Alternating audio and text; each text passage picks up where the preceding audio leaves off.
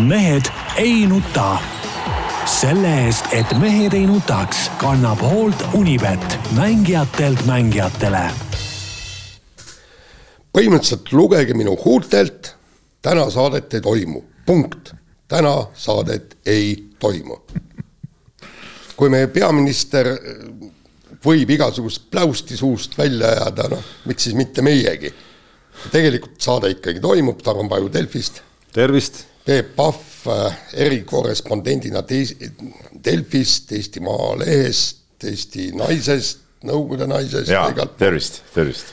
Jaan Martinson Delfist, Eesti Päevalehest ja igalt poolt mujalt. no Jaani tuleb kiita ikkagi alustuseks, et äh, sissejuhatus oli stiilne. sissejuhatus oli stiilne, eile ta tutvustas seda plaani ja ma kogu aeg mõtlesin, et huvitav, kuidas Jaan nagu noh, nii-öelda nagu äh, ütleme siis nagu saatejuhti, saatejuhi tehniliselt selle nagu siis nagu välja kannab. pean ütlema, et kandis paremini kui selle muu osa, kus Peebu, Peebu nii-öelda tiitlite kirjeldamise osas alati ikkagi sassi läheb. nii palju on neid tiitleid. ei, see, no see, ei, see algus oli hea ja, ja asjakohane, ütleme niimoodi, väga asjakohane ei no te ikka saate valesti aru, noh, ta rääkis eelmisest valitsusest no.. ei. ta ei rääkinud, et kunagi ei tule maksutõusu. stopp, stopp, tegelikult oli ju küsimus, täna oligi ju ja üldse see. meil ei ole maksutõus, meil on see Lauri Läänemets ütles jõukuse ümberjagamine ja,. jah ja ei, aga mina ja. olen selle jõukusega ümberjagamisega täiesti nõus et vaesemad inimesed ja, ja töötavad pensionärid jagavad meile.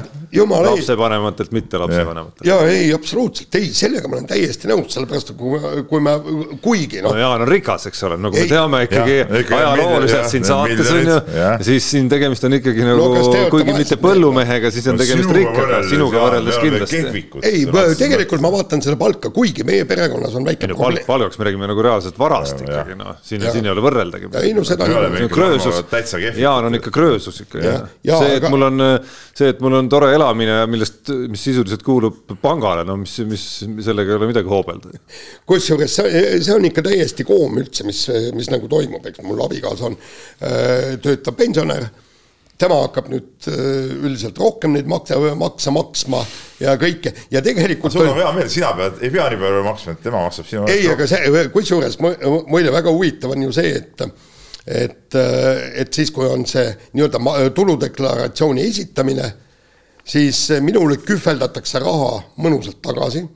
mul on kolmas sammas, mul on äh, nii-öelda äh, see korter, no korteri pealt enam ei saa, aga põhiliselt kolmanda samba pealt, aga abikaasal töötavad pensionärid, tema maksis mingisugune kuus pool sada maksis riigile tagasi, nii et ja umbes samasugune suur summa tuli siis sealt mulle, et me oleksime võinud selle peresiseselt ära teha. aga vaata, või ei tea, äkki Aine ei tahtnud sulle anda ja... seda, tead, noh.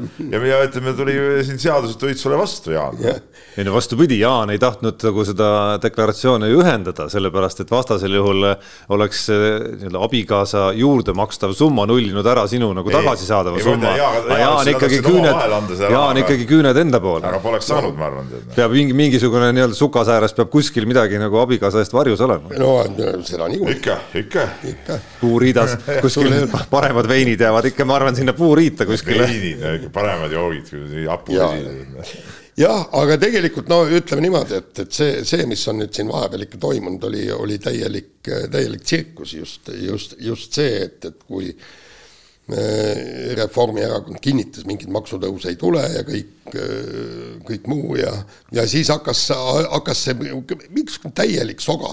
nüüd selgub, et, et ei, ei, ei saanudki rääkida äh, maksudest seal nii-öelda valimiste eel, sellepärast et seda ei tohi rahvahääletusele nii-öelda panna. no põhiseadus ei luba. jah, ei, aga, jaa, aga põhiseadus millegipärast lubas rääkida riigikaitsest. see on hoopis salajane teema tead. jah, ja, ja, ja tegelikult seda ka ei tohi hääletusele panna, selle panime ja, ja soomlased panid, täna oli just ühe artikli juures oli, oli väga täpselt see kogumus, kes oli see kogu, kes see võitis. ühesõnaga nende valimislubadus oli see, et, et me kärbime kuus miljardit äh, ja, ja teeme seda võimalikult sündsalt, sündsalt ja teeme riigi majanduse korda, eks. kõik väga, väga kenasti ja, ja sellega võideti valimised, noh ei no nagu me eelmises saates rääkisime, et see tragikoomilisem osa, no iseenesest ma ei, ma ei ole selle vastu, et riigieelarve ikkagi nagu nii-öelda nagu tasakaal võiks eesmärgiks saada ja sinnapoole võiks tagasi liikuda ja kui kaitsekulutusi tõstetakse kolme protsendi peale, noh, siis on selge, et kuskilt tuleb ka kärpida ja kuskilt tuleb rihma tõmmata ja nii edasi, aga lihtsalt tragikoomiline on see osa, kuidas äh, kogu nii-öelda kampaania ja, ja nagu iga sõnum ehitati üles enne valimisi, noh, sisuliselt ikkagi nagu ainult ühele kaardile, see, et äh, kui te meid ei vali, siis tuleb EKRE ja siis hakkavad kõik asjad juhtuma, no see oli nagu noh, vald, see oli ainus, ainus nii-öelda kaart. ja nüüd siis, nüüd siis tagantjärele üritatakse leida äh, erinevaid versioone, et miks me siis nagu muudest teemadest nii vähe rääkisime, alustades põhiseadusest, mis oli päris naljakas. ja lõpetades ja siis lõpetades selle, selle jutuga, et ega keegi ei küsinud ka umbes, eile õhtul tuli uus versioon juba, et nagu igas intervjuus tuleb, et siis, kui see põhiseaduse kaart nii-öelda ei töötanud, siis nüüd tuli järgmine versioon, et ega ei küsitud ka eriti. mis ei vasta tõele muidugi. see ongi poliittehnoloogia niimoodi, need need äh, tegelinskid seal äh, toimetavadki, aga. ma saan aru, aga nii, oled nii kuidagi nii kuidagi karjuvas vastuolus ei ole minu arust eelmiste ole. valimiste puhul, mulle ei meenu, et nagu nii karmilt oleks, et need käärid oleks nagu nii suured olnud. Nendes juttudes, mis oli enne ja mis on pärast. ma usun, need paadunud äh, reformistide pooldajad nüüd on ka ikkagi üsna pettunud, mulle tundub, nii palju, kui ma siit ja sealt inimeste käest olen nagu kuulnud, keda siis ma tean, need on nende pooldajad, eks ole, et see et nad ise mängivad praegu oma, oma kaarte ikka päris kõvasti maha. ja nagu Jaan ütles ja ma kuulun nende hulka, Peep, antud juhul nende valimiste kontekstis, ma ei varja seda, et, et nii-öelda nagu väärikam oleks olnud rääkida ka enne valimisi, et näed, auk on selline, nad teadsid väga täpselt, milline see auk on. ise olid valitsuses ju. jah, ja öelnud, et me peamegi mingeid valusaid otsuseid tegema hakkama ja käinud läbi, mis variandid enamasti on. sa saad ise ka aru, et siis nad ei oleks saanud sellist üle. ja minu hääle nad oleks ikka saanud. ei, aga sa saad aru, et nad tegelikult, nad ei oleks kindlasti sellist ei, tulemust sellisel juhul saanud. oot, oot, oot, ma, ma olen täiesti kindel, et nad oleks oleksid selle tulemuse saanud, sellepärast vaata, kui sa paned kõik arvud lauale, kõik näevad seda äh, kenasti. ja, ja kui sa kõikides debattides ütled, näed, meie kärbime siit, meie tõstame neid makse, palun, mida teie teete? ja, ja ausalt öeldes rahvas ei ole nii loll, et, et hakkab uskuma nüüd neid äh, erakondi, kes ütlevad jaa, et, et meil on poolteist miljardit on miinust, aga, aga meie ikkagi tõstame kas pensione, värke, särke, palku, keegi, kes erakond ütles, et meie tõstame palku. ei no võimalik on, laename muudkui veel rohkem ja rohkem ja rohkem ja oleme selles, selles vurris siis nagu läheme selle vurri sisse, nii on võimalik idee järgi. ja aga, aga tegelikult noh, kogu see maksupakett igal juhul mulle, mulle ilmselgelt ei meeldi, et et, et noh, seal, seal nagu räägitigi, et, et see käibemaksu tõstmine kaks protsenti on ju kusjuures Reformierakond lange-, äh, tõstis juba ju käibemaksu, kaks tuhat üheksa oli vist, kaks protsenti. Ja ajutiselt. No, ja oligi. ajutiselt, nüüd tõsteti veel. tõsteti edasi. jah, sellepärast, et kui ma, kui ma nagu mõtlen, mõtlen nagu oma seda toidukorvile alates noh, niisugune kesksuvest kuni no sisuliselt aasta lõpuni välja, jumal, oma aed annab äh, hästi palju kõik, eks, käid seenel, käid tuttava kaluri juures, saad paar-kolmkümmend kilo kala, siis hea jahimees toob pool kitse. Jumal, ma ei käigi ju seal. ei no jaa, ei no Jaan, aga saad aru, no ütleme, olgem nüüd ausad, no sind see nii väga kokkuvõttes ei, ei mõjuta sinust inimest, aga, aga, aga Eestis kindlasti palju inimesi ja eriti, eriti palju on neid inimesi muidugi ka, ka äh, maapiirkondades, kus on ikkagi väiksem äh, rahaline ütleme niisugune kindlus ja, ja, ja, ja, ja varakus, eks ole, et neid see mõjutab küll ja neid hakkab kindlasti mõjutama kõik see, see automaksumajandus ja nii edasi, nii edasi, mis siin, mis siin plaanitakse teha, eks ole, et, et et äh, me siin jah, võime lihtsalt rääkida, aga ma usun, et me kõik kolmekesi saame nagu hakkama, eks ole, nende tõusude või, või asjadega, aga, aga, aga peame ikka vaatama seda, et väga palju väga,, väga-väga palju on siukseid inimesi, kes, keda see lööb ja minu arust nagu absoluutselt suurepärase artikli kirjutas sõber äh, Hindrek Riiko ja Maalehe peatoimetaja kohe, kohe pärast nagu seda äh, koalitsioonileppe sisu nii-öelda väljatulekut, et, et kahe käega kirjutan alla tema jutule, et. ja, ja, ja aga sellepärast ma ütlengi, et minul hakkaski sellepärast vastu, et mind see väga ei puuduta. Mind see väga ei puuduta, aga puudutab just neid, kes, kes tegelikult noh, nagu nad räägivad, eks, et meid on palgavaesusest vaja välja tõmmata. ja ütleme nende maksude ja selle süsteemiga, sa kindlasti palgavaesusest mitte kedagi välja ei too nojah, et nagu see tulumaksumuudatus, mis tegelikult ei olnudki tõus, eks ole, on ära näidatud, siis, siis lõppkokkuvõttes rohkem hakatakse võtma ainult kaheksa tuhat pluss teenivatelt inimestelt, on ju, kui, kui minu arust võiks sealt vabalt tuhandeid veel alla tulla ja, ja sealt juba seda nii-öelda nagu rohkem maksmist rakendama hakata. minu pärast ka nendele, kes ma ei tea, juba neli tuhat eurot näiteks palka saavad, et miks mitte, on ju et kui on vaja, eriti kui on vaja kassat nagu täita ja on vaja ikkagi nagu äh, tulu riigikassasse nagu rohkem saada, antud muudatus ju tegelikult sisuliselt ei too ju mingit tulu juurde. palju aga, neid kaheksa tuhat pluss teenijaid ikka on? aga, aga seal oli, noh, tähendab loomulikult ma ei lugenud kogu seda koalitsioonilepet äh, ära, kus seal oli muidugi jälle mingit täielikku soga oli hästi palju, aga aga ettevaatlikuks tegi ja, ja millest ma kavatsen ka kirjutada, on see, et, et äh, vaatasite spordi peatükki? vaatasin kus on treenerite palgatõus? ei ole, ei ole seda jah. no seal ei olnud midagi tegelikult. seal ei olnud midagi sisust jah. no seal ma lugesin ei, läbi, seal ei, ei, olnud seal, midagi. seal on paar. okei okay,, seal oli see punkt eh, võib-olla jah, et teeme mingi reeglistiku, mis puudutab just, suurvõistluste korraldamist just, ja mida me toetame, mis alustel just, ja, ja no. aga see reeglistik on ju ka praegu olemas. jaa, aga äh, ma uurisin. kohendada nagu natuke, eks ole. jah et äh, ma uurisin, tähendab, meil on reeglistik olemas sellel, äh, nende, nende võistluste jaoks, mis on siis regio-, äh, regioonile olulised või mis on noh, nagu toovad nagu tagasi, toodavad tagasi kohalikule, aga jah, jah. on teatud hulk võistlusi, nagu on ka see tenniseturniir ja nagu võib-olla või tegelikult, mis võib-olla täitsa kindlasti, on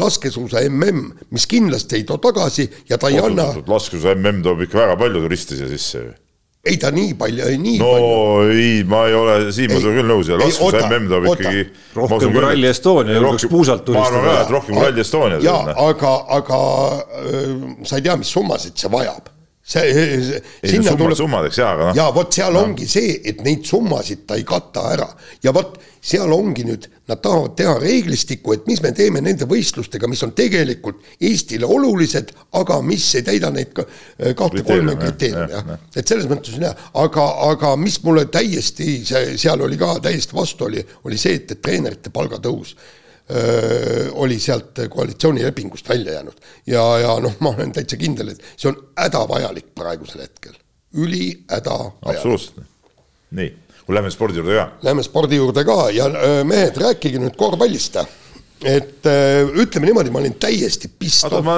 hakkame sellest, ma ei näinud mitte kumbagi saalis nende kahe päeva jooksul, isegi sind, Tarmo, mitte. ei näinud. see oli minu jaoks suur pettus, milleks tegelesid me seal. olin telekas see on küll mage jutt no.. mis mage jutt? no sa oled nagu Kossu mees ja sa, sul on Final Four Tallinnas, sa oled teleka ees. olin teleka ees. see on täitsa lame, noh.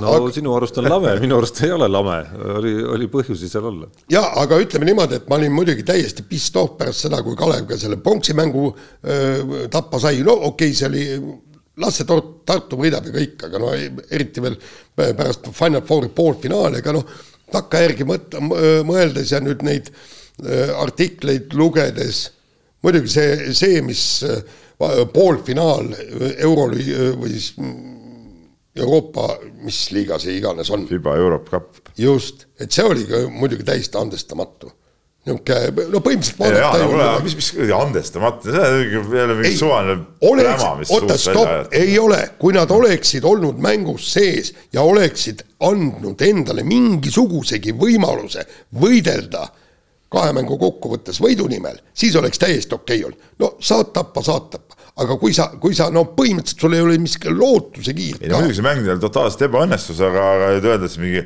andestamatu on, kui sa poolfinaali, eurosarja poolfinaalis kaotada, see on no nagu, kuule, see on see on... kõige madalam sari no, ja, ja me räägime no, Eesti okay, absoluutsest okay, tipust. nüüd sa, nüüd sa lähed natuke, Jaan, minu arust nagu selle järeldusega liiale, et noh, kokkuvõttes, kokkuvõttes. no äh, teie asi ongi kiita seda. ei, ei, no kokku, ei kiida, mis sa kiidad, aga no see sihuke jutt ei ole ka mingi jutt. ja noh, kokkuvõttes ikkagi Kalev Cramo jaoks äh, esinemine selles sarjas oli õn, suur õnnestumine, leian mina endiselt ja jätkuvalt. mis näitabki meie korvpalli sitta seisu. et andestamatuks peavad võib-olla pidama seal siis, äh, ma ei tea, Brindiisid ja, ja Bambergid seda, et Kalev Kalev Cramo-sugune klubi.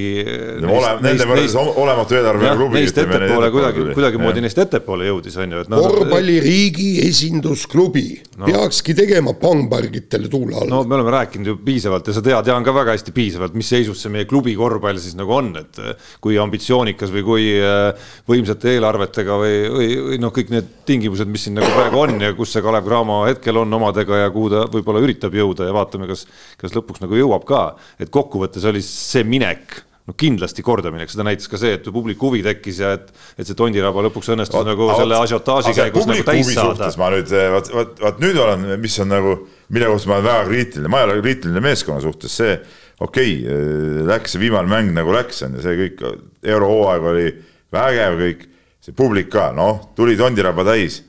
kuule, see reedel oli äh, Eesti-Läti liiga poolfinaal Riia VEF-iga, no minu silmis täpselt sama tähtis mäng, kus publik siis oli no vaata välja, vaata, mis ilm oli. mis välja, Jaan, kas sa oled Kossu sõber või sa ei ole Kossu sõber? ei no sa ei saa võtta ei, saa, no, selles mõttes ei saa. see on nagu raudnaer ju, nagu, loomulikult saab, saa nagu, no ma olin seal ju, noh. no sa olid seal, aga sa ei saa pealtvaatajale karata turja. muidugi saan. et kuradi nõme tüüp, miks sa ei tulnud? no aga, aga mis sa siis, ükskord käid seal ja teinekord siis ei ole sind no pigem on see analüüsi koht, miks siis nagu nii oli, on ju, et sa ei saa nagu turja karata inimesele. muidugi saan, järelikult sa ei ole tõeline fänn, kui sa ei lähe ju. no aga ega see teadmine, et sa, see, et ma ütlen sulle, ma ei tea, Priit ja sulle Marek, et te ei ole tõelised fännid, ärge rohkem tulgegi. Te olete mõttetud mehed, no sa sisuliselt ütled ju. et see on nagu, see on siuke fake fännlus nagu. no mis ta fake on, selles mõttes ta näitas, et, et see nii-öelda lugu või see noh, ma ei julgeks öelda ikkagi natukene selline nagu meie oludes selline natukene eneseületuste nagu rida, mida Kalev Cramo nagu Euroopas tegi, et see kõnetas inimesi. aga see on arusaamatu, miks,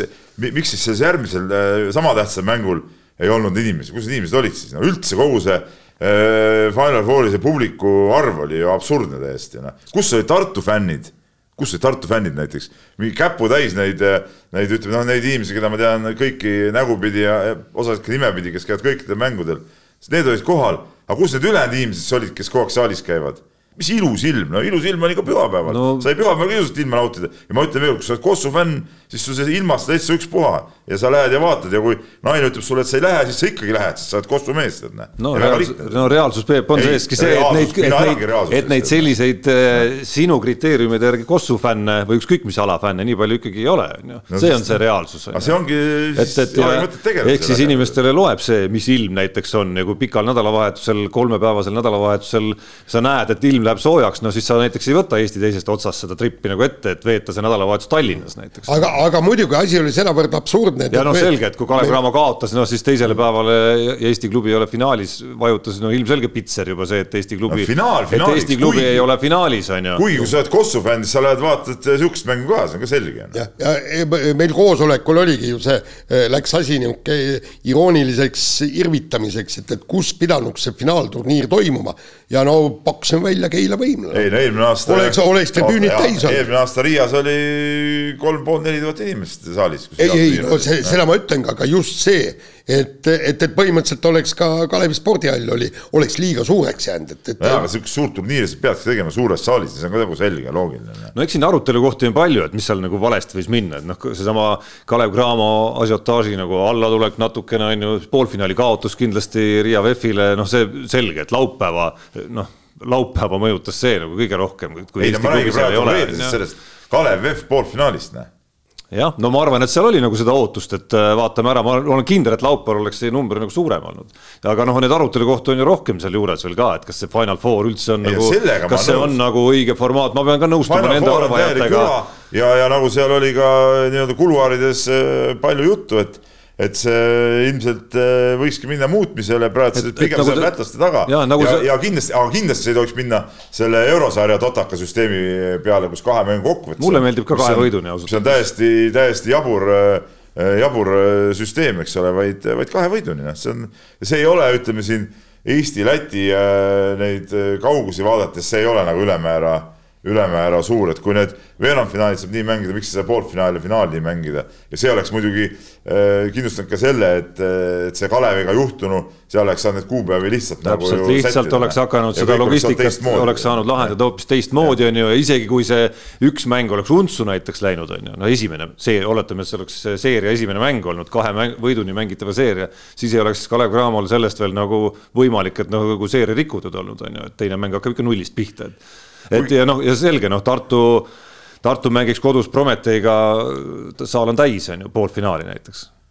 nojah, aga no ma ütlen, et aga teisalt jälle mõnes mõttes see Final Fouri formaat on jälle niisugune nagu erilisem, noh, et, et, et mul nagu otseselt selle Final Fouri kui sellise formaadi vastu ei ole, et, et, et see ongi, et sa lähed kohale, sa oled seal kaks-kolm päeva kohal ja sa mängidki, see on nagu niisugune nagu ekstra eriturniir nagu tead ja, ja, ja fännina, kui ma oleks lihtsalt tavaline fänn, eks ole, no ma oleks hea meelega, olgu, olgu see Riias või Liepajas, ükspuha kus igal juhul ma sõidaks sinna kohale vaatama seda. no mulle ta formaadina ei meeldi ka Euroliiga tasemel, noh tõsi, seal noh, seda näeme võib-olla harva ikkagi, kus, kus saal nagu tühjaks jääb, sellepärast et noh, seal on see, see turniir on nagu piisavalt suur selleks ikkagi, et, et ta ei ole nagu mõjutatud sellest, kas kodumeeskond on parasjagu finaalis või ei ole, aga nagu formaadina noh, tegelikult olukorras noh, Euroliiga paralleeli tuues tehakse vägev põhjahooaeg, hästi pikk, tehakse vägevad veerandfinaalseeriad kolme võiduni ja siis tuleb selline nagu noh, nagu, nagu tennises tie break põhimõtteliselt, kiire lõppmäng, kus siis otsustatakse kogu hooaja saatus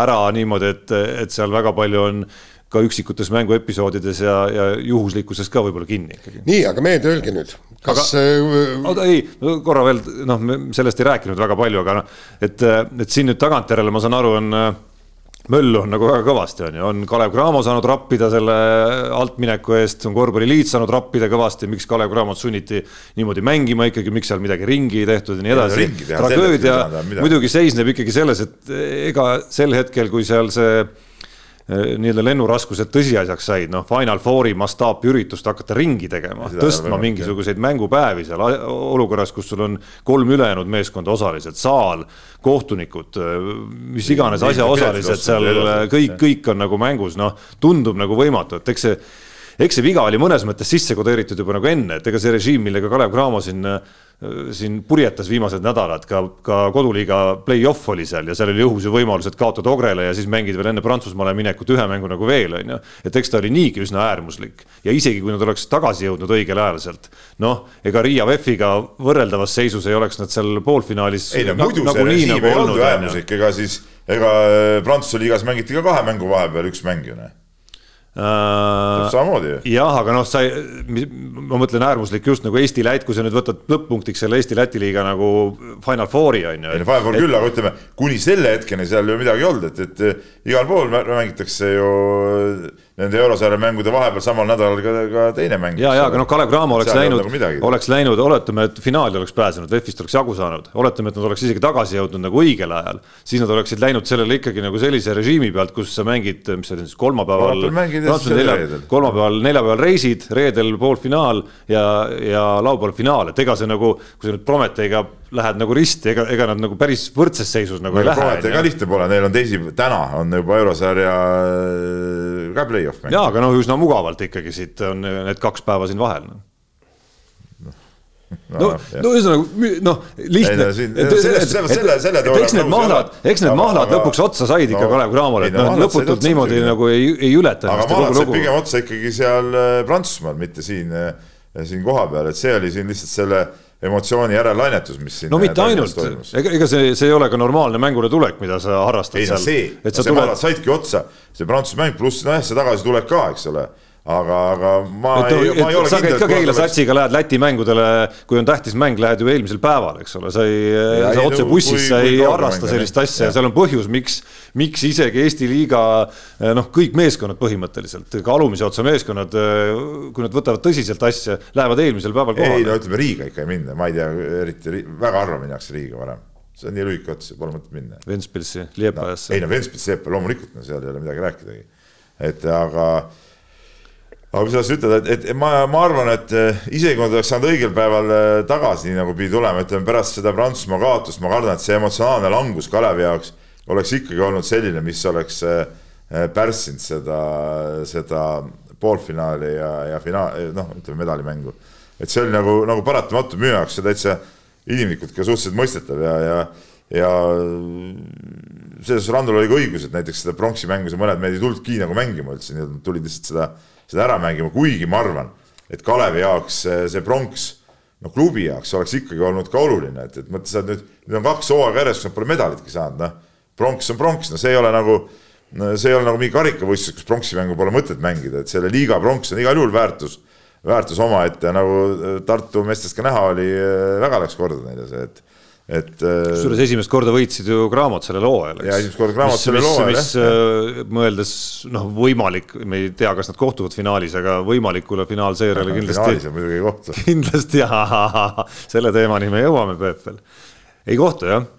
ma arvan küll, et mitte. no selge eks me pärast analüüsime, mis faasis see langemine tuleb sealt siis Nonii aga no selge, ma arvan, et eks nad on päris, et ega siit nagu kui nad kohe peaksid hakkama mängima näiteks, oletame Viimsiga poolfinaalseeriat, ma arvan, et neil oleks nagu päris keeruline, see niigi võib olla päris raske seeria nende jaoks. ei, praegu ma arvan, nüüd, nüüd aga, on Kalevil nagu suhteliselt lihtne, neil neile ikkagi... nädal aega, neil on pühapäeval esimene mäng äh, Tallinna Kalev Audentesega. Ja, ja nad jõuavad rahulikult teha siin väikse siukse füskat kosutava tsükli vahele ja ja, ja veel selle seeria käigus ka seal taastuda, et, et noh, ma, ma kogu austuses äh, Rauno Pehka vastu ma ei näe Tallinna Kalev Audentesel nagu erilisi variante. et kui, et kui nad kogu oma tahtelis-moraalse poole, legendaarne väljend Kalle Klandorf on selle autor minu mäletamist mööda, selle poole nagu korda saavad, millele siin Heiko Rannula kolmanda koha mängu järel. tõlge, tõlgendus venekeelsest väljendust. Valjavõia. Moranne, Valjavõia, Katsuta. et millele siin Heiko Rannula ka viitas, noh, eelkõige oma legionäridest juhtmängijate suunas siis kivi visates et kui nad selle poole nagu korda saavad, noh siis, siis selles, et nad on endiselt koduse liiga kullasoosikud, noh, noh, ma ütleks, ei tohiks nagu küsimust olla, aga noh, samas ma arvan, et nii Viimsi kui ka Tartu on võimelised, eriti ma isegi kusjuures mingi sisetunne ütleb, et Viimsi võib-olla rohkem isegi on võimeline seda nagu ebamugavaks tegema. Kas Viimsi miinus on see, et äh, ikkagi okei okay,, Saakise tulekuga neil üks käik on juures, aga, aga, aga pikkades äh, ütleme pikemates seeriates, mis on kolme võiduni ja, ja mitu seeriat järjest ikkagi võib see võib see rotatsioon lõpuks ikkagi jääda liiga lühikeseks, sellest läbi hooaja räägitud, neil on väga lühike pink ja, ja, ja see võib hakata mõju avaldama muidugi, aga Viimsi on kindlasti üllatusvõimeline. et mida me nägime ka selles Tartu mängus, et äh, eriti kolmandal veerandal, kui noh, Kalev Cramo sellise nagu meie mõistes ikkagi korraliku kaitsesurve püsti sai oma tagameestega, Kovliar ja ja, ja teised seal, noh siis äh, tekkis Tartu tagaliinil ikkagi nagu päris korralik selline nagu noh, raskus üldse mingisuguse nagu rünnaku ülesehitamisega, et selleks on Kalev Cramo Eesti klubide vastu kindlasti nagu jätkuvalt suuteline. absoluutselt ja mina asusin, ise arvasin, et selleks, et saigi tehtud asi, et nad et nad äh, said ju ette seal, ma ei mäleta, nelja-viiega jah. et äh, no sealt enam äh, nii-öelda tagasituleku varianti Tartul pole, aga aga huvitaval kombel Kalevi see hoog järsku nagu rauges, et, et ega no seal oli üks päris no nad ei suutnud skoor, nad ei suutnud skoorida tegelikult, no, nad viskavad kuuskümmend punkti Eesti klubide vastu. üks valus moment oli ka see muidugi see Suuroru mingi lauapõrke kolmele sealt tõugatud õla pealt viimasel rünnaku viimasel sekundil, no seal mingit õnne oli ka ikka omajagu Tartul muidugi selle selle, selle võidu juures, aga ei, tublid ja no huvitava nüansina lihtsalt siia juurde veel, lihtsalt viimase nüansina, et no mis, mis oli nagu sümpaatne osa sellest äh,. minnes Tartu juurde, kelle jaoks see võit oli kahtlemata ju kordaminek ja, ja medal oli kordaminek. et nad võtsid selle võidu ilma Märt Rosenthalita, ehk siis. Äh, jah, et, et mida me nägime, oli siis see, et, et see nii-öelda see kaader, kellele Heiko Rannula eelmisel aastal finaalseerias Äh, noh, ütleme siis nagu andis kandikule, et las need mehed teevad seal Robin Kivid ja ja Oliver Suurorud, et, et see kaader pidi tõusma nüüd natukene nagu kandvamasse rolli, eriti pärast Rosenthali puudumist. et mulle tundus vähemalt sellist nagu juba nende olekust natukene nagu kasvanud valmisolekut, vähemalt selles kolmanda koha mängus no,. samal ajal kui see poolfinaal oli muidugi košmaar. Nad ei, ei suutnud üldse välja kanda kolmanda koha mängus ütleme, seal oli, oli, oli helgemaid hetki küll nendel jah et.... tõsi, aga see kolmas veerandaeg muidugi ja see, kuidas nad nagu kaitsesurve vastu jäädes hakkama said, oli jällegi selline märk, mis äh, nagu ees, eelseisvatesse nagu play-off seeriatesse kandununa noh, mis võib nagu olla selge probleem, et ma tahaks nüüd kuuldagi varsti Peebult, kuidas Keila selle samasuguse surve peale paneb sinna, nagu Kalev Cramo suutis aga sellest me jõuame, jõuame veel rääkida. Te suutisite kakskümmend minutit rääkida täielikest luuseritest ma, ma ei seitseteist seitseteist minutit täielikest luuseritest, ma ei tea, mis oleks olnud, kui Kalev oleks selle pronksi võitnud, see oleks vähemalt poolteist tundi. no nii, aga te saate rääkida nüüd ikkagi tõelistest ässadest, kelleks kahtlemata on nii kohalikus kui ülemaailmses ralliskeenes Marko Märtin ja Ott Tänak eile tuli siis uudis sellest, kuidas mehed on lõpetanud oma koostöö. Märtin on müünud osaluse ka Red Gray meeskonnas, lisaks nagu kirjutas Ärileht, on nad ka oma kohalikud ettevõtmised äh, ära jaganud omavahel. Äh, ühtlasi käis selle uudise juurde teade, et Marko Märtin üldse on mootorispordiga tegelemise lõpetanud ja tagatipuks viskas Marko Märtin intervjuus Dirtfishile õhku ka päris sapise kommentaari, jutumärgid, sain õppetunni, et mõnikord ei jää heategu karistuseta. no mis värk. no kuidas öeldakse, et ega kaks kõva kivi head jahu no, ei, ei, ei jahvata, eks ole, öeldakse niimoodi. no teine asi ega..., mida öeldakse, et kindlam moodus, kuidas, no ma ei tea, kui sõbrad nad nüüd olid muidugi, nagu päris sõbrad-sõbrad, aga, aga, aga noh, kindlaim viis tülli minekuks üldiselt sõpradel on teha äri koos, anda laenu teineteisele või palgata tööle üks ja aga tead, minu jaoks just kui ma lugesin ja eile algas, algas mingi väike paanika on ju, mida me teeme, kuhu me kirjutame no,. ma otsin ka, ütleme seltsimees Lehestele, et noor juhataja Leheste, nagu teda võiks ilmselt mm. kutsuda, et no ega siin ei olegi midagi teha sellega. ei no absoluutselt ja, ja te, teine asi on see, et, et meie jaoks on ta tõesti oluline, sellepärast et omavahel läksid tülli siis kaks kas läksid? No kui Martin nii ütleb no siis järelikult no, eks seal ikka, eks seal ikka mingit äh, naginat oli ju. aga... tegelikult seda natuke oli ka juba kuulda, et see asi oli. on seal laiali minemas, eks. jah, ja, ja, ja seda me kuulsime Rootsi rallil juba.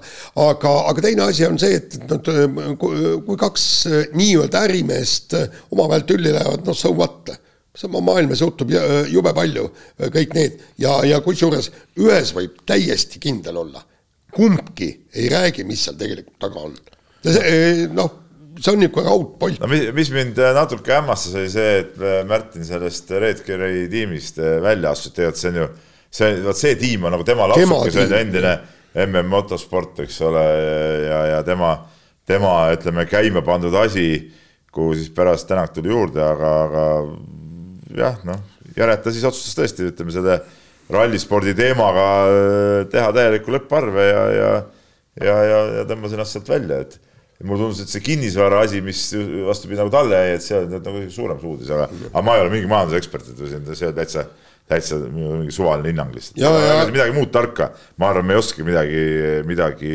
ütelda no lihtsalt targutamisena äh, vähemalt hetkel on hea meel, et et me loeme sellest, kuidas äh, mingid asjad on omavahel nagu ära jagatud siiski.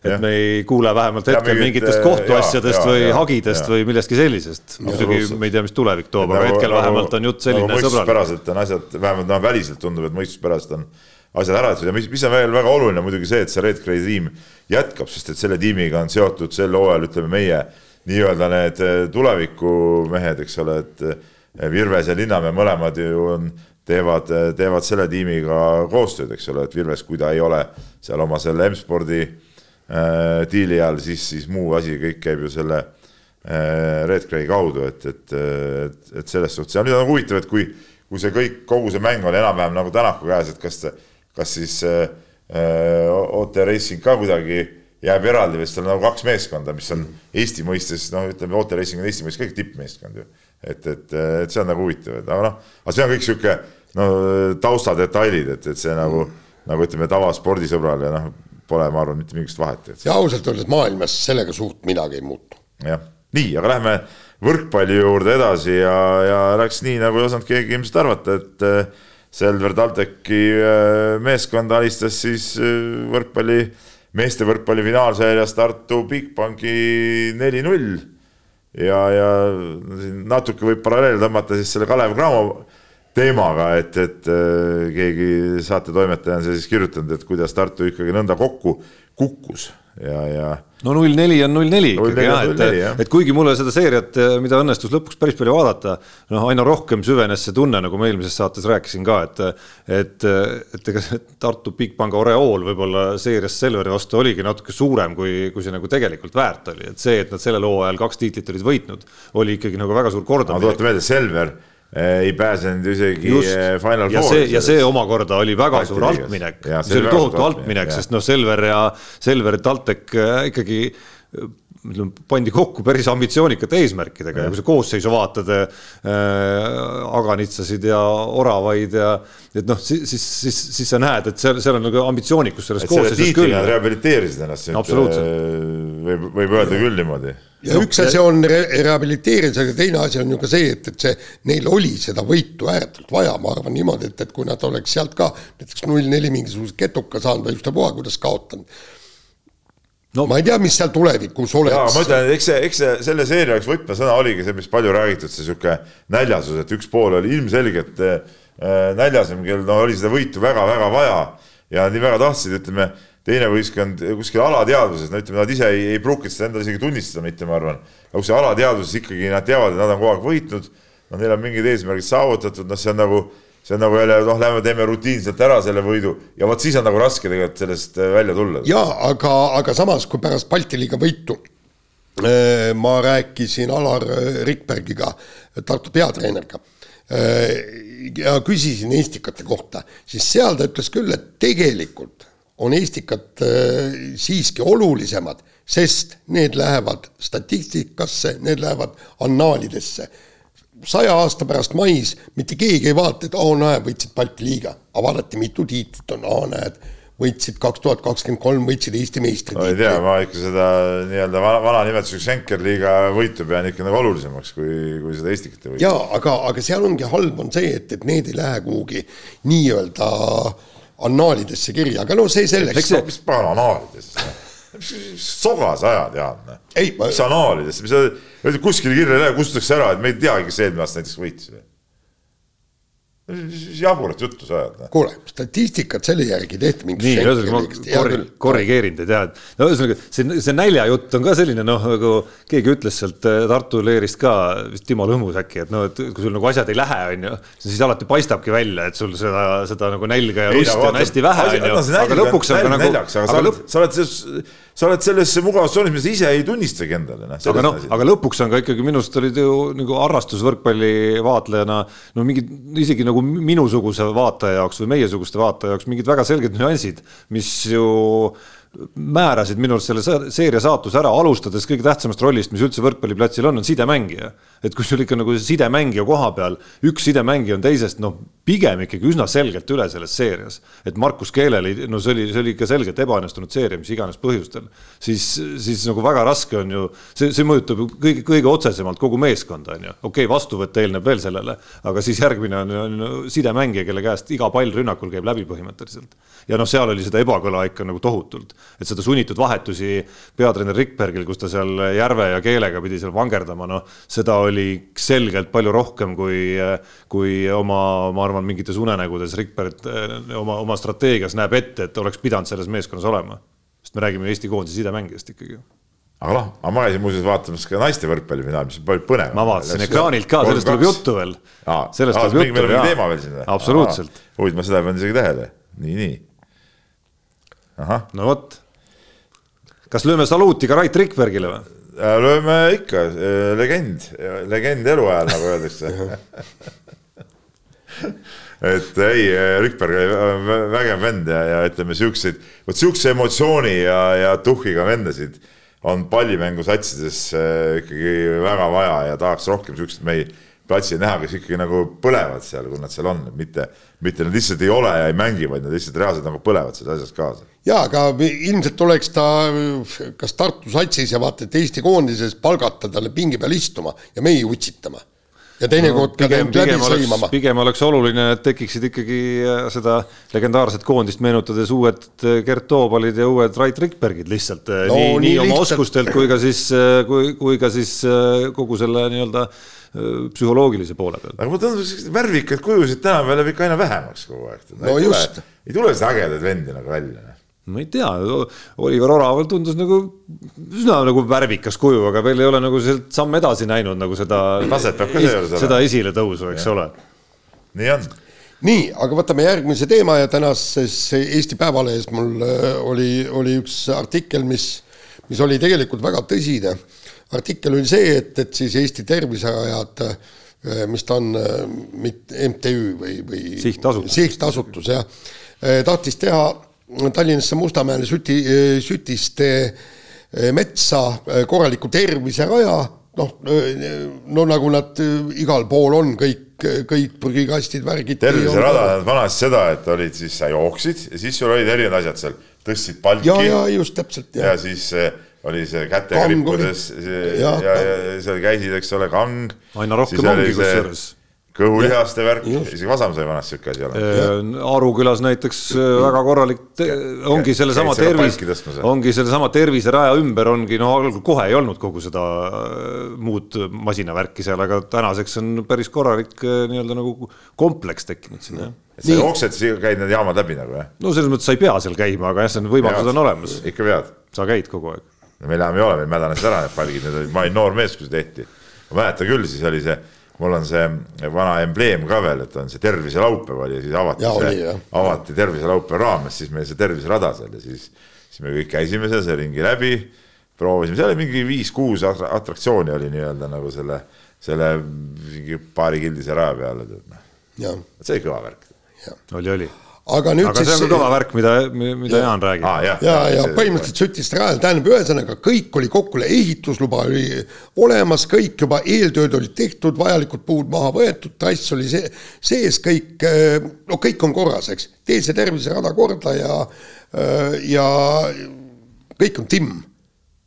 ja järsku lendasid peale rohelised. Neil oli siis Sütiste metsa kaitseselts ja hakkasid räuskama, et see, et see ei ole õige, et nii ei tohi. kõigepealt hakkasid ütlema, et asfalti ei tohi sinna panna. ja selgus, et väike jupp oleks pandud asfalti, mille peale siis, siis terviserajad ütlesid, et ei, mingit asfalti ei tule, paneme sõelmed peale, kõik on korras, timm. ja läks kuu aega mööda, suur petitsioon, suudeti üle Eesti kuidagimoodi neli tuhat allkirja koguda ja mille peale tegi siis Tallinna linnavalitsus püksid täis ja, ja e, praegu üritab tühistada ehitusluba. ja, ja, ja ongi niisugune absurdne situatsioon, et Mustamäe rahvalt võetakse ära põhimõtteliselt niisugune kaks pool kilomeetrit suurepärast tervisehäda. ja, ja, ja selle tuules, Nõmme on ju täielik katastroof, mis seal talviti on ju, eks.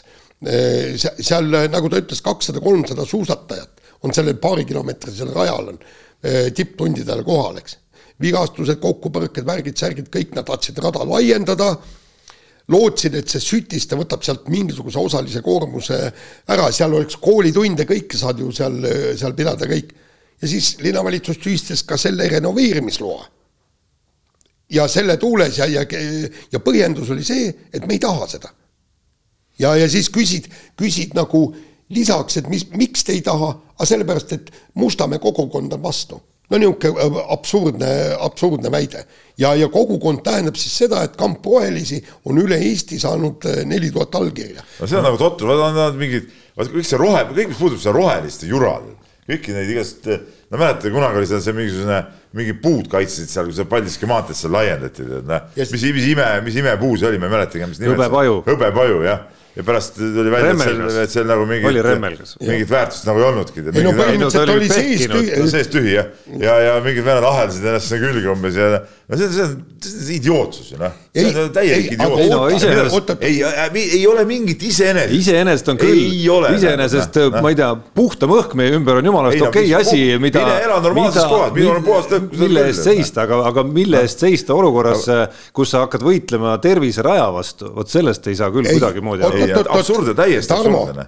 et inimesed rohkem läheksid jalutama, läheksid veel rohkem metsa, käiksid seal, ma ei tea, lapsevankritega. ei no vaata, probleem on selles, et need rohelised, vaat need on see mingi hüsteeriline kamp tegelikult, eks ole.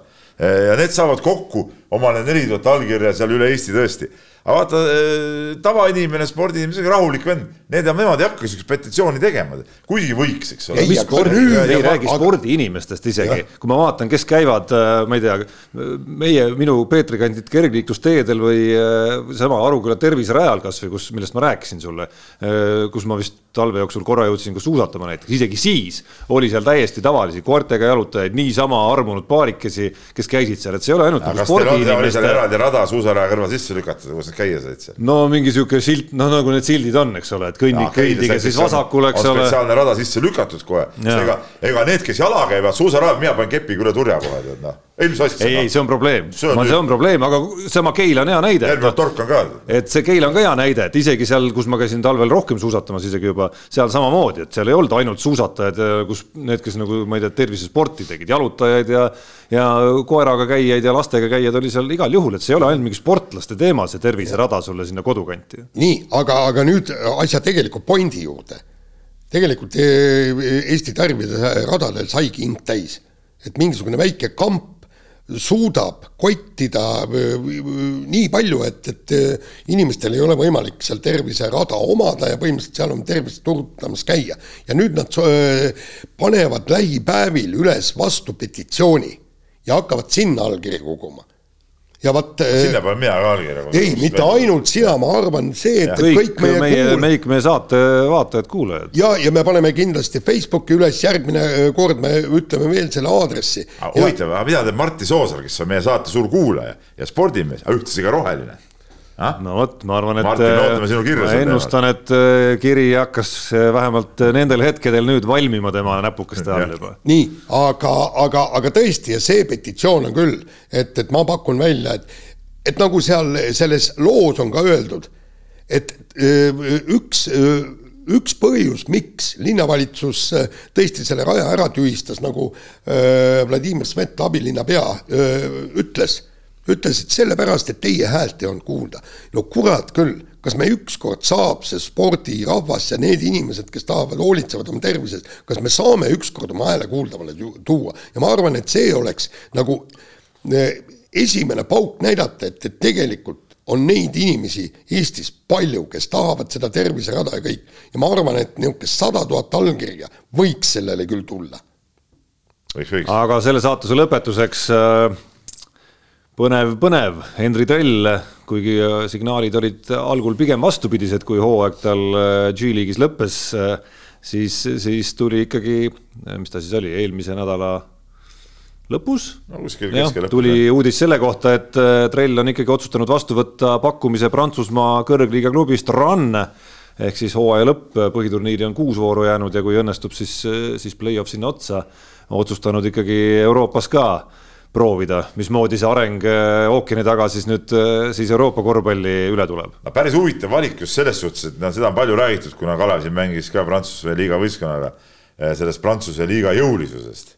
ja, ja, ja, ja ütleme, ma ise mõtlesin ka, et, et kas nüüd trellile, kas see sihuke jõuline liiga, hästi no. füüsiline liiga, nüüd on just ütleme, kõige parem koht, aga teisalt. no G-liig on ka väga füüsiliselt teisalt, võimekas liiga. ei, ei füüsiliselt võimekas on üks asi, teine on see, et, et kui palju noh C-liiga on ikka nagu NBA põhimõtteliselt noh, sarnane noh. et seal on siukest nagu, siukest, kuidas ma ütlen nagu. no kui sa Prantsusmaa liiga skoore nagu vaatad, skoore vaatad ja sellesama Roni skoore ka vaatad, siis sa näed, et sarnasus on äh, täitsa olemas. seal lastakse mängida hästi jõulist äh, mängu noh. aga noh, tempo, aga noh, tempo on ikkagi ka selge, mis dikteerib seda. et ei, ei ma ütlen, see on huvitav noh, et, et aga mul on väga hea meel, et ta tuleb Euroopasse tagasi, et see. no ta see, tuleb esialgu küll korraks. ja, aga ma ütlen, kui ta siin suudaks ennast näidata, siis võivad siit ikkagi tulla ka normaalsemad äh, pakkumised ja minu meelest noh, see, see G-liigas äh, olemine, noh, see nagu noh, ei, see on tore, ma saan aru, et ta ise seal endale meeldib see kõik, aga ütleme ütleme nagu päris koss on ikka siin Euroliigas ja siinkandis. no minu loogika ütleks, et, et see on nagu tore seni, kuni sa äh, noh, mängid veel selle lootusega, et, et äkki tuleb sulle see kutse sealt äh, NBA-st ikkagi ja. mingil hetkel, aga et kui sa seal nagu paar-kolm hooaega ära mängid ja sa näed, et noh, pigem vist ikkagi ei tule, siis, siis vast oleks mõistlik ja no ma olen neid ameeriklasi Euroliigastki näed neid äh, selliseid CV-ga ameeriklasi küll, kes, kes noh, niimoodi ongi, et nad on paar-kolm aastat üritavad seal seda, seda nagu sinilindu veel ja siis, kui seda ei tule, siis, siis astuvad sammu Euroopa poole. nii, aga laseme kõlli kiire vahemäng ja põhimõtteliselt äh, teema sarnane äh, kui Sütiste tervise rajal. Ant-, Anti Saarepuu tegi päris dramaatilise postituse, andes teada, et Haanja pus-, puhke- ja spordikeskuse olukord on ääretult raske ja keskust ähvardab kinnipanek mispeale ta kutsus, otsis nimesponsorit, kutsus toetajaid juurde ja kõik, et väga tore, väga kena keskus. ja see, see on just sealsamas vallas, kus on, pannakse koole kinni, kõik, ühesõnaga jutt käib kuuekümnest tuhandest eurost, mis ei tohiks Eestis, kui arvestada Eesti inimeste kehva tervist, ei tohiks olla mingi, mingi probleem. kuuskümmend tuhat, mida, mida see spordikeskus vajab ja, ja no see oleks katastroof, kui see keskus tõesti kinni pannakse ja no keeruline värk, et no ma saan aru, selle asja juured ulatuvad ju Rõuge valla ülikeerulisel, no sisuliselt me räägime Rõuge vallast just nagu, nagu ja pankrot käivad. jah, pankrotis vald, et, et ma saan aru ajalooliselt, et seal, seal mingitel hetkedel vallas on tehtud äh, otsuseid, mis, mida siis praegused vallajuhid peavad kuidagimoodi klattima ja nii-öelda nagu korda majja saama, et laenu on vist võtud, võetud kõvasti üle võimete ja, ja ka omavalitsuste noh, nii-öelda nagu finantsbaasid ja võimekused nagunii on, on nii nagu on, kui siin suured vallad suurte keskuste kõrval võib-olla nagu välja jätta, on ju. Et äh, ma ei kujuta ette, kust, kust, kust ja mismoodi see abikäsi nüüd täpsemalt nagu tulema peaks aga noh, keskus on muidugi vägev ja ülikahju oleks, kui seal no, nagu mingi no, siin, seda sellele ei, ei tohiks lasta kuidagi juhtuda. vaata, siin peaks nüüd ikkagi, eh, ma ei tea, isegi olümpiakomitee tasemel võib-olla sekkuma, et see on nagu, see on nagu oluline, ütleme inimeste jaoks seal ütleme eriti seal Lõuna-Eesti inimeste jaoks, aga siit Põhja-Eestist käiakse palju seal eh, Haanjas ka suusatamas ja, ja sportimas, eks ole. on väga oluline sihuke spordi spordikeskus ja siin tuleks ikka nagu laiemalt seda vaadata. ma ei tea, kultuuriministeerium, olümpiakomitee ja need sellises olukorras peavad äh, astuma paati ja vältima selle, selle keskuse äh, hukku nagu. see on et, nagu selge minu arust. Noh. et see, see on täpselt see, et, et riik peab panema paika need nii-öelda probleemsed kohad, üks probleemne koht on Eesti inimese tervis on ju ja, ja, ja seal ei saa olla niimoodi, eks, et, et üle ühe valla äh, nii-öelda käekäigust sõltub see, kas korralik spordibaas, kus inimesed käivad oma tervist parandamas, turgutamas, mida iganes, et, et, et kas see e-, saab eksisteerida või mitte. et, et, et see on meie jaoks täpselt sama tähtis küsimus kui ka julgeolek, kui ka haridus. Need on need olulised, kultuur, need on kõik üliolulised asjad ja, ja riik ei saa siit kõrvalt vaadata nii, aga Peep juba tahtis ammu viia juttu naistele ja naiste võrkpallile. Äh, ma ei tea, mis asjaoludel sina jälle sattusid, sattusid naiste. sa oled suur äh, harrastus võrkpallivaataja, jälle saalis sind ei olnud. küll, aga ma ja, olen valmis, olen valmis samal ajal kihle vedama. endine Tšehhi naiskonna ei, ei, ei, ei, see oli ehitusmehaanika tehnikumi võrkpallinaiskonna okay.. aga ma olen valmis kihla vedama, et, et ekraani vahendusel vaatasin ma oluliselt rohkem naiste finaalseeriat kui sina ähm,. ma ei ole selles päris kindel. no ma julgen olla, ma küll ei tea, miks sina seda vaatasid, aga. miks, ma võin sulle ütelda kohe selgelt. Äh, minu meeskonna füsioterapeut mängis äh, Tartu naiskonnas ja äh, Tallinna Polütehnilise Instituudi naiskonnas mängisid kolm Keila tüdrukut. ahaa no näed siis. ühesõnaga, tulles nüüd asja juurde, siis äh,. ja treener, abitreeneriks oli, oli seltsimees Esna, kes elab Keilas ja siis ühesõnaga tulles, tulles ja tulles asja juurde, ühesõnaga teie rõõmuks kasutan veel väljendit Tallinna Polütehniline Instituut, loomulikult mitte TalTech.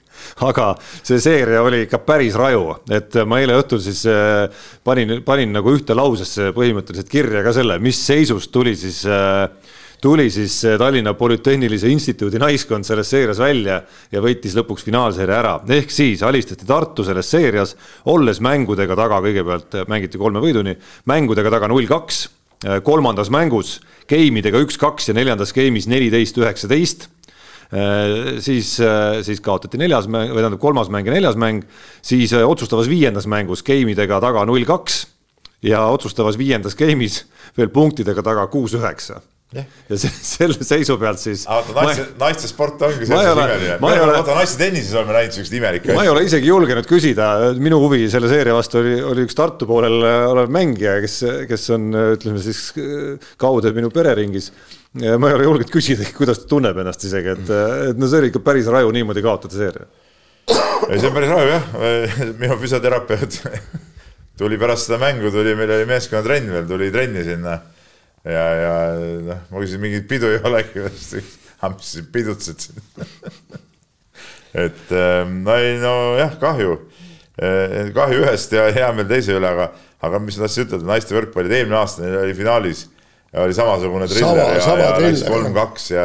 seal oli lõpus oli... veel mingi eriti dramaatiline oli see, kas, kas, kui ma nagu ähmaselt mäletan kuidagi justkui. kas seal vist see viies game ei olnud veel pikem isegi kuidagi või, aga, aga ega ütleme vähem dramaatikat ei olnud ka selles, selles mängus. ei no vähem selles mõttes, et kas seal ei olnud isegi niimoodi, et üks jõudis matšpallini või peaaegu matšpallini ja juhtis päris kindlalt ja siis seal mingi seeriaga nii-öelda andis ära selle. võin eksida. ma nii täpselt ei mäleta, aga aga no selle mängu lõpp oli ju ka, et nagu see üks tüdruk poleks seda palli puudutanud, oleks läinud out'i, oleks jälle ju tasamäng olnud ja. kaks servi viga otsustavatel hetkedel, mis naiste võrkpallis on ikka nagu väga valusad. et see, ma ütlen, see mäng ise noh, noh, olgem ausad, on, on nagu ta on, eks ole on nagu ta on, aga vähemalt põnevust on seal küll.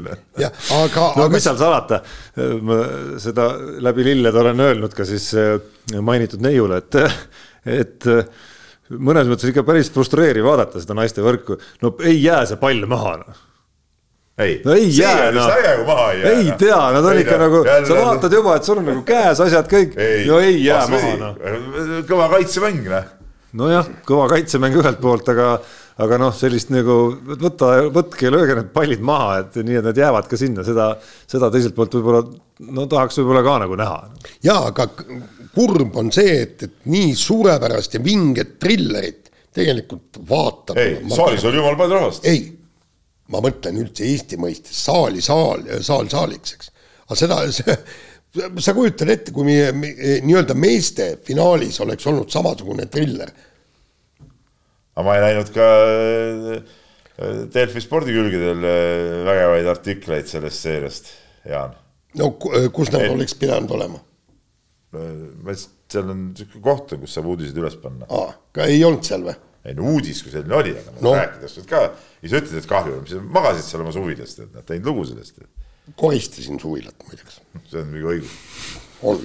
nii, aga kas õigustusi on ka Nõmme Kalju äh, jalgpallimeeskonnal või nende piletikontrollil, ma ei tea, kuidas niisugune asi sai juhtuda, aga juhtus niisugune kummaline asi, et et Nõmme Kalju ja Paide mängul siis äh, kuulutati välja, et hooaja nii-öelda tippmark kaheksasada nelikümmend pealtvaatajat.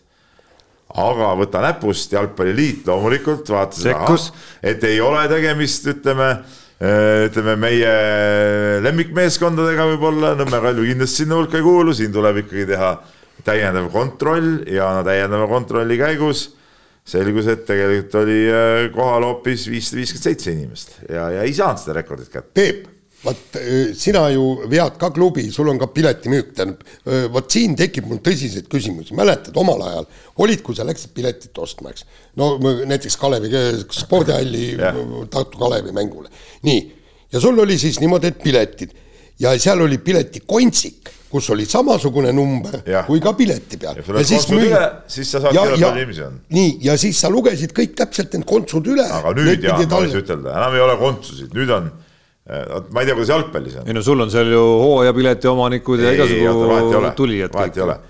elektroonilised piletid. korvpallis on niimoodi, et kõik, kes tulevad, ka hooajakaardi omanikud, eh, osadel hooajakaartidel on see kood peal, osadel seal ei ole, need, kellel ei ole, need saavad nullpileti ja lähevad sisse ja kõik piletid korvpallis lastakse läbi, läbi selle skänneri, noh, meie enda mm -hmm. Delfiga seotud ettevõtte piletitaskus asja korraldab, on antud klubidele need skännerid ja, ja niimoodi saab ikkagi täiesti selge numbri, kuigi äh, ikkagi no ütleme ikkagi lipsab sisse ja lipsab läbi ka osa, noh, seal mingid inimesi, kes, eh, kes nime piletid, noh, seal mingid omad mingid lapsed ja, ja nii edasi, nii edasi, nii edasi, et, et noh, et, et võib-olla natukene see number on suurem, kui see, kui see skänner näitab, et seal kõigil võib-olla neid alati ei ei jagu, aga üldiselt on suhteliselt kinni, ma ei tea, kuidas jalgpallis see asi käib.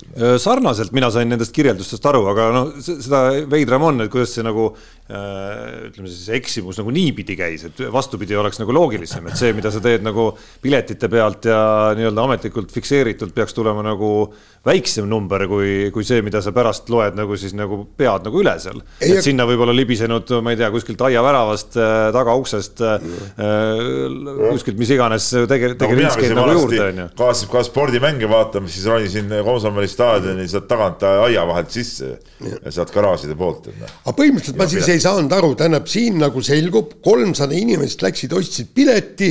ei läinud kohale. ja, ja, ja mängule ei läinud. aga Nad tahtsid klubi toetada lihtsalt. jah, võib-olla küll, jah miks mitte. üldiselt tead, noh nagu põhjendamatult suur kära on see siukse, siukse temaatika ümber, täitsa nali. nii, lähme edasi. nii, järgmine teema, Selver äh,, Tallinna Polütehnilise Instituudi võrkpallivõistkonna sidemängija Martti Keel tuli kahekümne nelja tunni jooksul kahekordseks Eesti meistriks. Ühe tiitli sai ta võrkpallis, kuigi ta väga platsil ei käinud natukene. natukene, aga, aga teine, teine tiitel tuli siis pokkeris ja kusjuures nagu selgus, et pokkeri kulla võitis ta öösel kella kolme paiku. no mina ei saa aru, kuidas äh, noorem Toobal vist on selle meeskonna pealine, kuidas sa ei lubada sellist asja, et mängija öösel kell kolm mängib pokkerit? aga teil ei ole niimoodi või? Aga kus sa tead, aga kus sa tead no,? nalja teed, minu kõrvad ja silmad on igal pool, Jaan. Peep ma kujutan ette, et isegi kui see mängija oleks seal olnud ja, ja võitnud Eesti meistritiitli, siis ta oleks palunud, et jumala pärast, ärge öelge, et ma selle tiitli võitsin. ta, ta ei julge tule. ei no ei, kindlasti mitte, no tead, see on päris omapärane lugu, aga noh omapärane, aga no aru tuleb anda sellest, et Martti Keel ei ole enam jah, profi, profivõrkpallur ikkagi, profisportlane, seda on tema kehakujust ka näha natukene. ta lihtsalt nagu abistab seal niimoodi teise sidena seda võistkonda.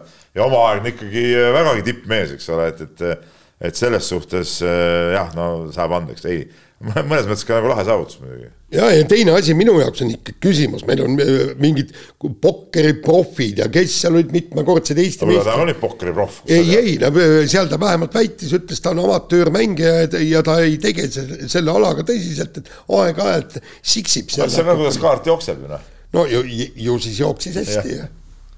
aga selle saatuse lõpetuseks rubriik Nädal Keilas ja Peep, küsimus sulle, et veerandfinaalid on algamas, veerandfinaalseeria kolme võiduni. Tartu Ülikool Max ja Moorits tuleb vastu, tuleb kolm-null Keilale või krutite natukene põnevust ka? elu näitab. see on väga sisukas vastus. jah, pall on ümmargune. no ei, paus ei, kannab edasi rahulikult. no eks enda tead ka elu näitab, et eks vaatame, kuidas me siin oma oma rivid nagu paika saame ja eks me oleme siin valmistunud. oleme pidanud mõned mängud ja, aga noh, see pole muidugi see, nagu ma siin eelmine saade rääkisin, et see on absurdne see, see olukord ja, ja kindlasti meil on natuke raskem tulla nendele mängudele kui, kui Tartul, kes sai siis nädalavahetusel nagu ikkagi heade mängude rütmi alla, noh, samas vaatasin seda Tartu mängu ka, et noh esireas teleekraanilt ma vaatasin, Peep oli näha seal ikkagi nagu kulli pilguga. aga pani ikka kirja ka midagi või? ei, kirja, kirja on pandud mujale ja, ja, ja, ja selleks ei pea seal saalis midagi üles kirjutama, aga eh, no kindlasti hakkab meil, saab meil raske olema, et, et selge see, et Vainalovitš, ma usun, et on ka tagasi, noh, Rosenthal ei ole. Eh, ma loodan, et meil on eh, kõik mehed rivis. pead ei julge anda, aga no okei okay,, Sten Saaremäel ei ole muidugi, see on, see on ka selge, see on, see on meie jaoks juba suur kaotus aga ma loodan, et, et tuleb põnev seeria no kui nii võtta, siis tegelikult ma hakkasin, hakkasin siin mõtlema, eks, et pukilt tuleb äh, juba nelikümmend punkti vähemalt, eks. viimasel ajal küll, jah. ja nelikümmend punkti on sealt. nii, Kasemetsalt kakskümmend. just täpselt, seda, seda ma mõtlesin, kuuskümmend punkti on olemas, ühe, ühesõnaga. Viitols ka veel, Saks no, no Viitoltsil kümme. kümme kuni viisteist mõlemad. seitse, seitsekümmend on juba olemas, tähendab ilma mõtlemata on seitsekümmend punkti olemas. no Tartu ongi niisugune kuuekümne, noh, seitsmekümne alla punktiskooriga meeskond. nojah, küsimus ongi, kuidas me seal kaitses hakkama saame no tuleb selline surve, nagu Cramo pani kolmandal veerandal peale Tartule Saaremäel muidugi aitaks sellist survet äh, kindlasti teha seal äh, nagu meeskonna lüline tagaliinis, aga, aga no tulevad järgmised survemehed siis. no eks me vaatame seda, eks me üritame Noor, kindlasti. vana Pahvi poeg ja ei, no, on vormi aetud ilusti. ei, kõik on vormi aetud, ei vormi, ütleme, ma arvan, et füüsilises seisus äh, ei ole nagu küsimust, noh. et aga noh, peab arvestama sellega ka, et meil on paljudele meestele ikkagi elu esimene päris play-off'i seeria, noh. Jälle see õpik Peep võttis selle õpiku välja jälle, noh, mida lootusetu juhtum, noh.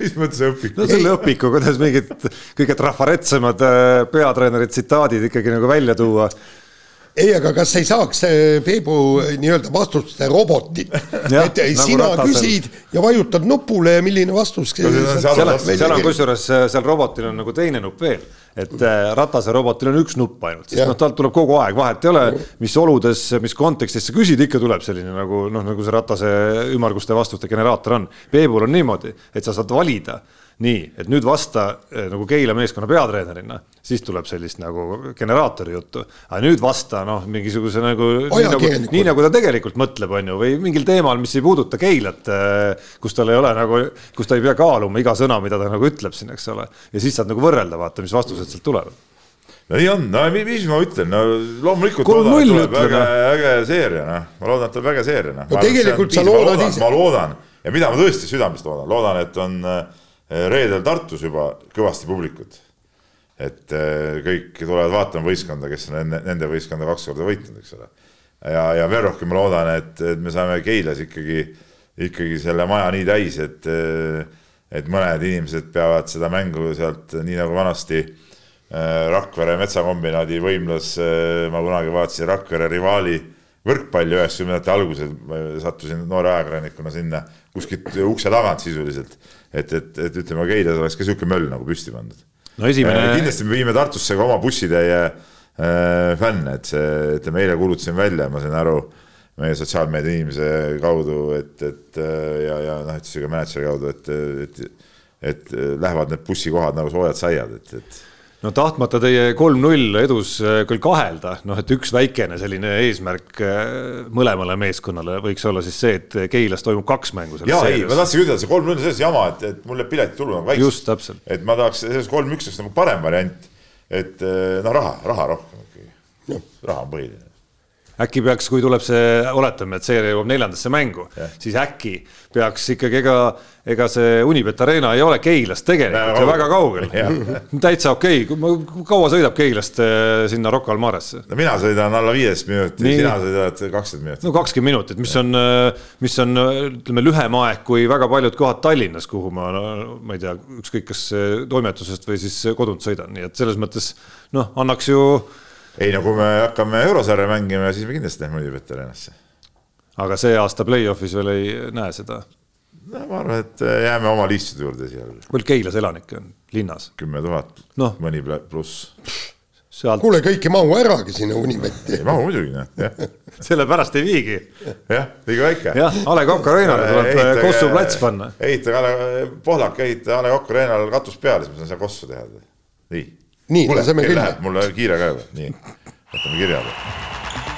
Unibetis saab tasuta vaadata aastas enam kui viiekümne tuhande mängu otseülekannet. seda isegi mobiilis ja tahvelarvutis.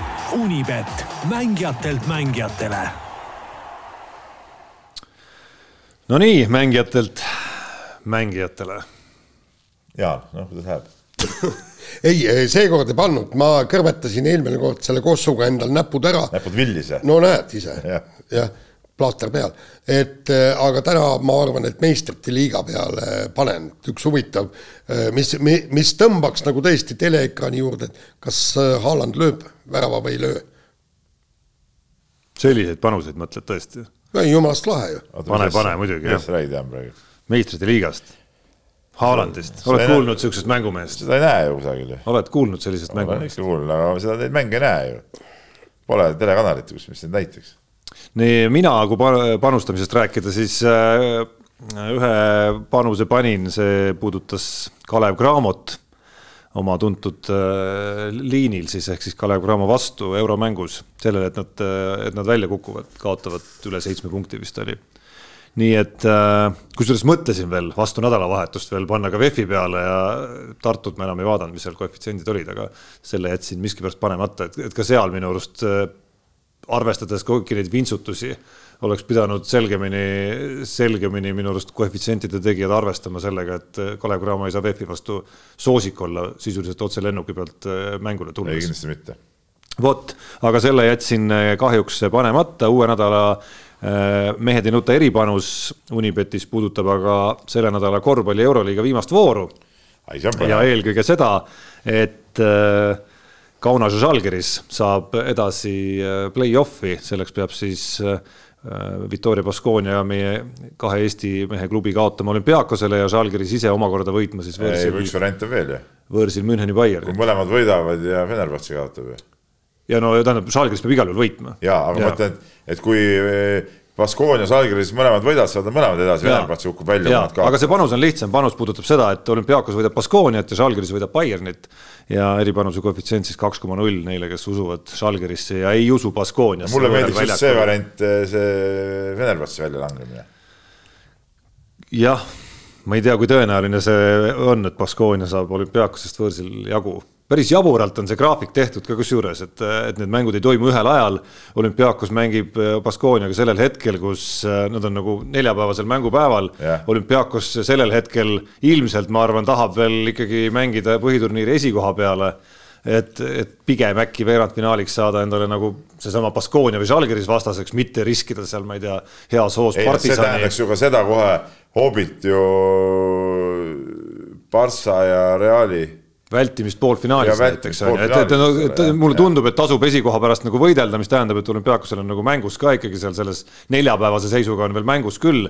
võib-olla kui, äh, mis seal oli, Real mängis ma vist ma Maka, vist Makaabiga, kui ma nüüd ei eksi, ühesõnaga, et noh, kui oleks see variant, et et olümpiaakos teaks, et neile ei määra see mäng midagi näiteks on ju noh, siis nad võib-olla teeksid seal natukene mingeid vangerdusi, aga antud juhul ei ole nagu seda lootust ka veel Baskoonial, et ise peavad olema ja tegema ilmselt oma selle hooaja kõige vägevama esituse, et võõrsil olümpiaakoselt see võit kätte saada, nii et mulle tundub, et kõik kaardid on selles, selles äh, duellis praegu ikkagi Žalgirise käes. nii, aga läheme kirjade juurde. Ardo Sand on meile kirjutanud ka, vana kirjamees ja. olles ise Baskonia poolt selles. palju õnne. Äh, ja, ja kirjutab siis nii, et olete üsna suurelt rallile äh, kaldu ja tänaks saab väga palju tähelepanu, aga millised tiitlivõistlused sel aastal on äh, teile veel erilise tähelepanu all ja kuhu teil on plaanis kohale minna? no Jaan, sina oma suusasõidud andsid kõik ära. ei, mina ei taha, ma olen nii vana, ma ei, ma, ma ei taha kuhugi reisida, mitte midagi ei taha absoluutselt, ma vaatan. mingi Ardo Lalin tuli siit praegu nagu. ei, ei no ma, ma tõesti ei taha, ma olen nii kõrini reisinud, ma tõesti ei taha mitte kuhugi reisida. nii, aga, aga mis võistlusi jälgin, no muidugi kergejõustik täiesti raudselt, see, see aasta on jällegi huvitav, on ujumise mm, kus, kus meil on Tšehhi ja Fimova.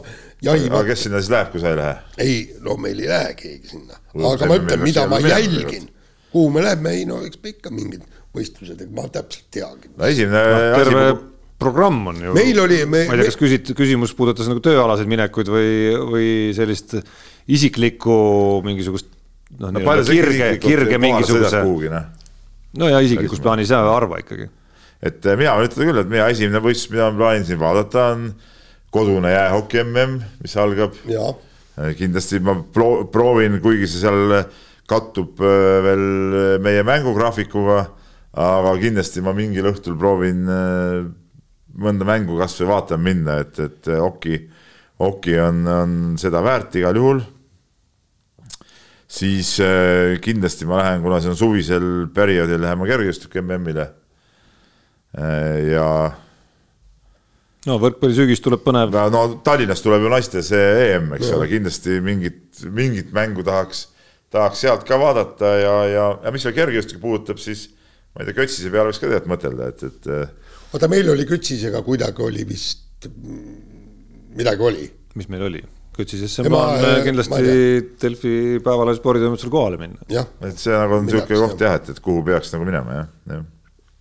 ei no põnev, jah korrektsioon ka vahepeal, Peep, rihmutus, nägid ikkagi, Kalle on meile kirjutanud, et teadmiseks, et Rakvere metsakombinaadi saalis ei toimunud Rakvere rivaali kodumängud. kas metsakombinaadil üldse saali oli, ei, ei tea. rivaali mängud toimusid Rakveres metsamajandi saalis ah,. metsamajand. seal mängis ka Rakvere no, Markus. No, see oli esimene täismõõtmetes korvpalliväljakuga saal üldse Rakveres. Peepukene metsamajand, metsakombinaat. no sinu jaoks peaksid need olema nagu see, et ja. me siin äh, noored räägivad ränk, siin mingeid äh,. ränk eksimus, andke andeks. aga kõik said aru, mis saali ma mõtlesin vähemalt. surnuaia vastasse sisuliselt, noh, jah. nii, kas veel on sa tead, kus see saal on või? ei tea. ei tea sa midagi. Rakvere ei ole koht, mida ma väga hästi tunneks. Kastani Arena leian küll üles. Rakveres oli veel see üks huvitav, üks, üks pallimängusaal oli selles mingis vanas kirikus juba. jaa, oli jah. jah, see oli sihuke väiksem saal küll ma mäletan, küll ma mäletan, kui äh, meistriliigat on käidud vaatamas Vinnis. Vinnis oli ka, Rakvere mängis omal ajal jah. Aivo Erkmaa juhendamise ajal. nii, ah soo, lähme kirjadega edasi, nüüd hakkasime siin heietama, nii ja siin oli väga huvitav küsimus oli, võtame natuke siin äh,, Kerin ja Priidik, teadlane Priidik muidugi, meie vana kirjasaatja küsib nii.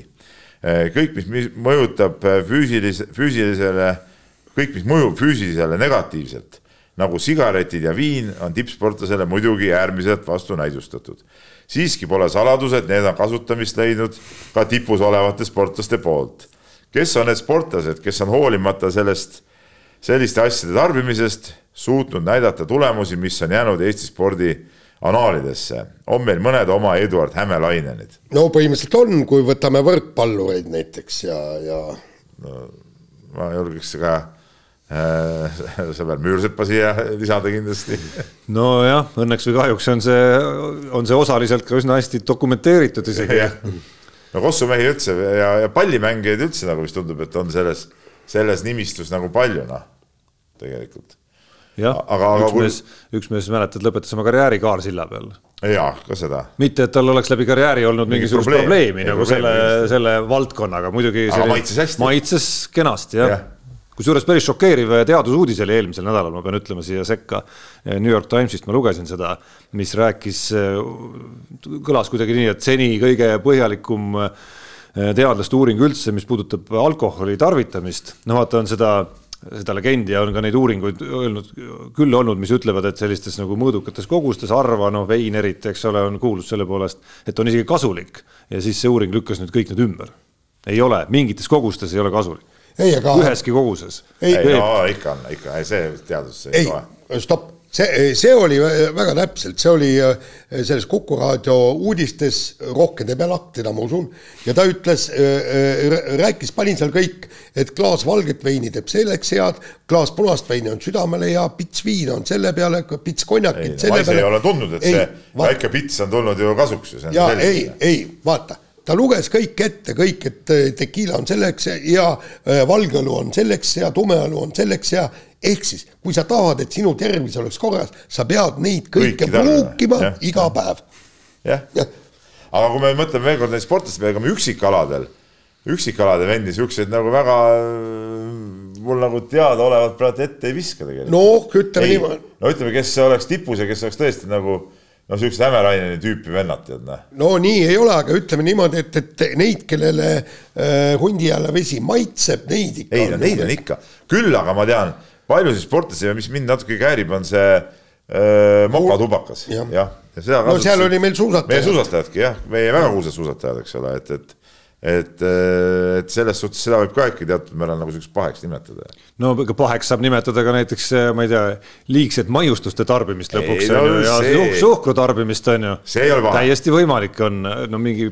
no kuule, kuule, kuule, koogid on ju äh, suurepäraste kondiitrite poolt valmis tehtud ja letile paigutatud, no kuidas see pole pahe siis noh et inimene on ju näinud vaeva, sa pead ju selle ostma, selle ära sööma, et, et teise inimese vaeva tasuda. no kui sinu spordiala, ma ei tea, näiteks sisaldab ka kõrgushüpet, on ju, ja, ja sul on vaja, ütleme võimalikult vähe neid kilosid, mida sinna on üle lati vaja vedada, siis see on ikka kahjulik. minu arust Ramon Kaju vedas oma üle saja kilost keha ka päris kõrgele. me ei tea kunagi, kuidas ta oleks vedanud seda, kui see oleks kümme kilo kergem. ma mäletan seda, kus Erki Toomag rääkis, kuidas Ramon Kaju jõi lihtsalt kondentspiima purgis.